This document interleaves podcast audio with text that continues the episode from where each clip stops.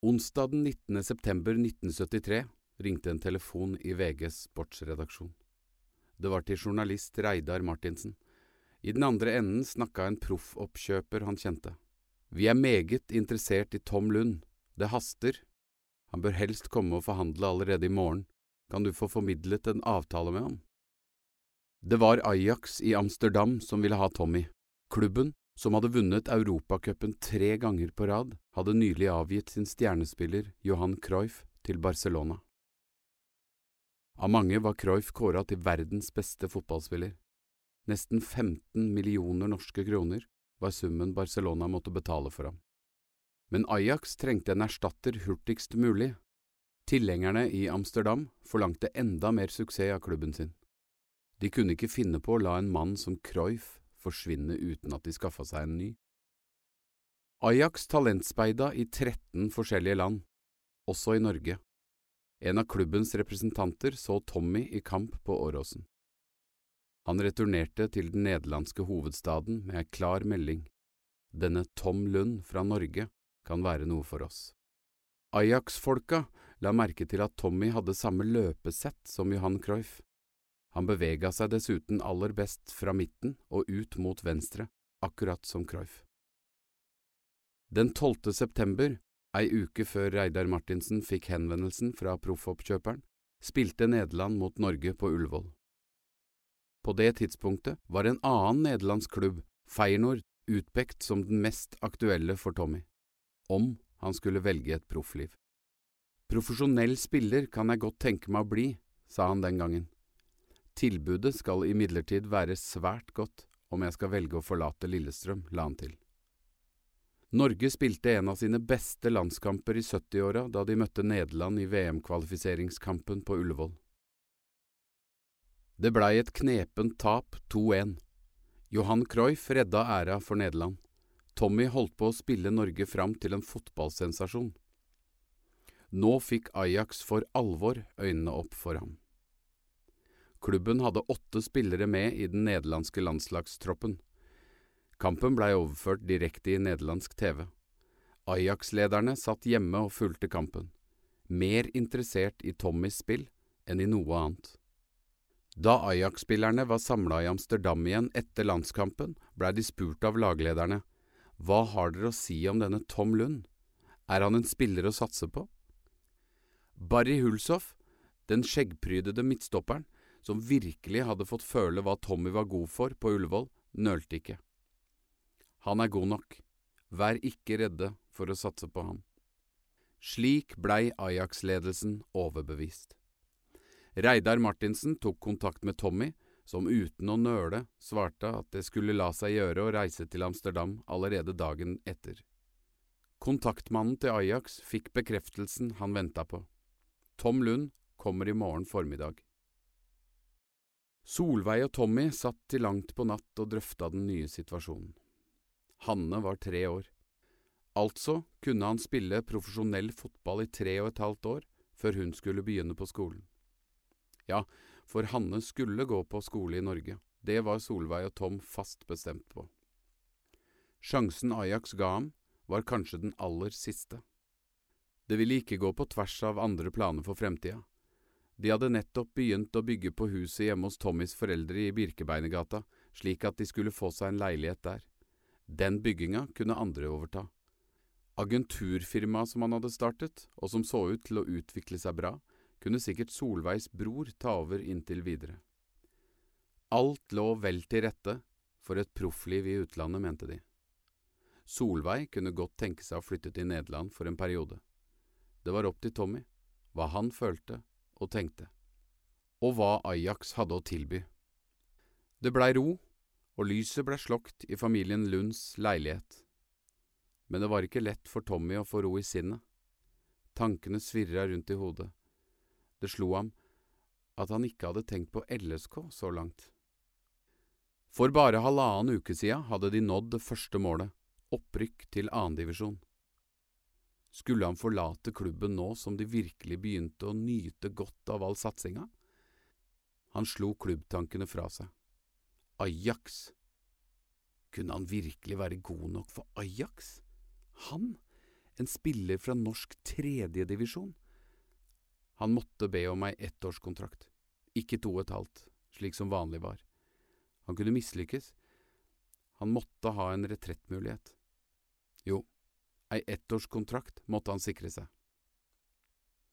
Tidlig neste morgen ga han beskjed til LSK. Han var nødt til å hente noen lotteriartikler i Sverige. Han hadde dessverre ingen mulighet til å trene den dagen. Så av sted til Fornebu.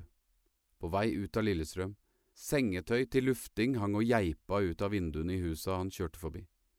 Nei, nå fikk Lillestrøm være Lillestrøm, og ikke noe mer. Igjen måtte han ta seg i å bli grepet av denne stemningen. Krokketbanen, Storgata, Åråsen og kameratene. Det fikk da være måte på. Han ville bli proffspiller i Amsterdam nå. Reidar Martinsen fulgte med Tommy.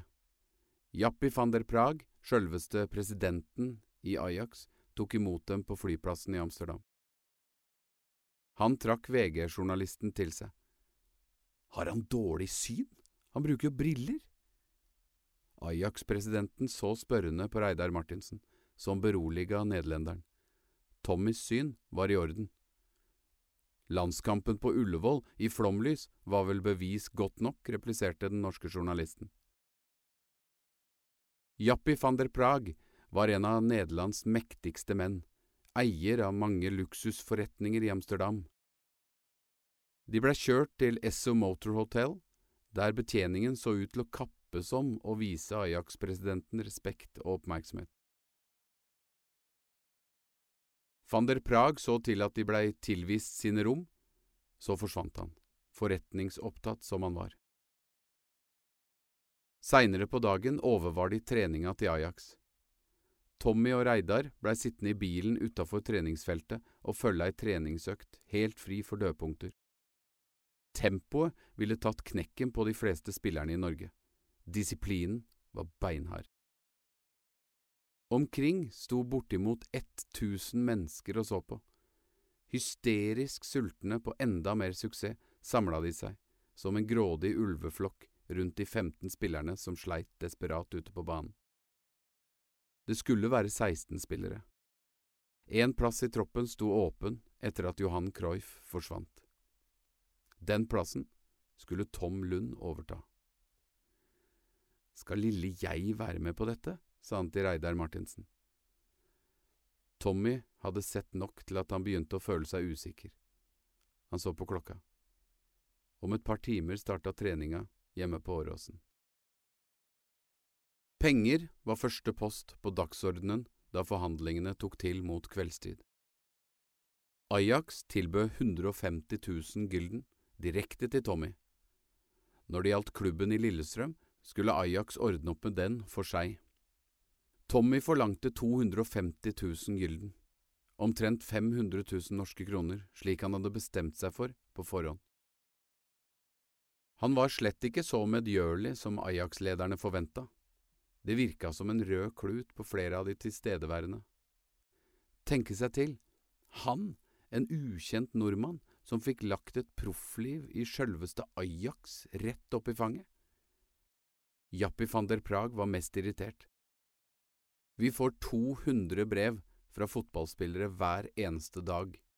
Spillere som trygler og ber om å få lov til å spille for oss.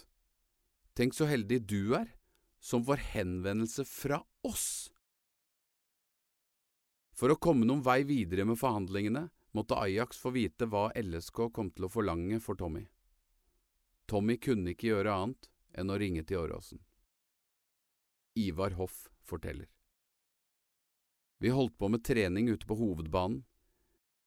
Jeg fikk beskjed om at det var telefon til meg inne i klubbhuset. Det var ikke uvanlig at det var telefoner til meg, men akkurat denne var noe spesiell. Ivar, gjett hvor jeg ringer fra? Sannelig om jeg veit. Jeg er i Amsterdam. Det kunne jeg jo ha tenkt meg, ja. Tommy var oppsatt på å få avklart med Ajax-ledelsen, som satt og venta på ham. Han fikk påvirka oppmannen til å forhøre seg med de andre i LSK-ledelsen om hvor mye de kom til å forlange av Ajax. Litt seinere kunne han ringe tilbake til Ivar Hoff. LSK kom til å forlange 35 000 kroner for ham, fikk Tommy vite. Ajax-forhandlerne satte opp tilbudet til 200 000 gylden, men ettårskontrakt blei overhodet ikke aktuelt. Det var ikke lett å komme på glid i forhandlingene. Treneren, Georg Knobel, tok Tommy med seg inn på et kontor ved siden av og snakka mer fortrolig med ham. Tommys økonomiske krav skulle nok gå i orden, sa treneren, men da ville til gjengjeld klubben se ham i aksjon nok en gang. Hvis han da spilte tilfredsstillende, skulle handelen være grei. Hvis han kom til å gjøre en dårlig figur, kunne han risikere at klubben ikke lenger var interessert i ham. Norge skulle spille landskamp mot Danmark i Trondheim søndagen etter. I den kampen ville de ta ham i nærmere øyesyn, hvis han da ikke ombestemte seg og godtok tilbudet med en gang? Dette skulle Tommy tenke på til dagen etter. Da skulle han møte opp på van der Prags kontor. Der skulle det ligge ei kontrakt, ferdig til å underskrives. Tommy var skuffa over det han hadde opplevd. Han var skuffa av Ajax-presidenten, som til de grader virka hovmodig og overlegen. Forholdene ellers var han ikke bare skuffa over, han var skremt. Økonomisk kunne han få det svært så bra. I tillegg til overgangssummen ville han bli sikra ei årsinntekt på minimum 250 000 kroner. I en toppsesong ville den bli på bortimot 600 000. Kunne han si nei til det? Det var en helt annen Jappi van der Prag som møtte Tommy dagen etter. Plutselig var han en blid og hyggelig kar som var imøtekommende overfor alle de betenkeligheter Tommy hadde. Det var klart han skulle få betenkningstid. Men ettårskontrakt? Nei, det ville ikke van der Prag vite noe av. Ålreit, se meg mot Danmark, da, sa Tommy. Han fikk betenkningstid fram til onsdagen etter. Og da skal vi ha et endelig svar, fastslo Ajax-presidenten. At Tommy var i Amsterdam for å forhandle med Ajax, var godt stoff i nederlandske aviser. Nederlands største avis, De Telegraf, hadde en fast fotograf som fulgte Ajax daglig. Han klarte å fotografere gjennom vinduet og inn i rommet der Tommy og Ajax-ledelsen satt i møte den første kvelden. Dagen etter via avisa Tom Lund og hans første møte med Ajax stor oppmerksomhet. Han var et samtaleemne på byen. Alle var opptatt av den karen som kom for å erstatte Johan Cruyff. At han hadde vært i forhandlinger med Ajax var blitt behørig bekjentgjort hjemme mens han var borte. VG var først ute med den eksklusive nyheten allerede fredag. Det var et voldsomt oppstyr omkring saken da landslaget samla seg på Fornebu før avreisa til landskampen mot Danmark i Trondheim. Tommy ble klappa på og gratulert. Tenk, sjølveste Ajax, ja gitt! Bjørge Lillelien øste som vanlig av sitt engasjement. Så blir det vel til at jeg skal referere fra Ajax sine europacupkamper, da, sa han spøkefullt. VG hadde allerede skrevet om Tommy som talte på knappene. Alle visste, og forsto ham.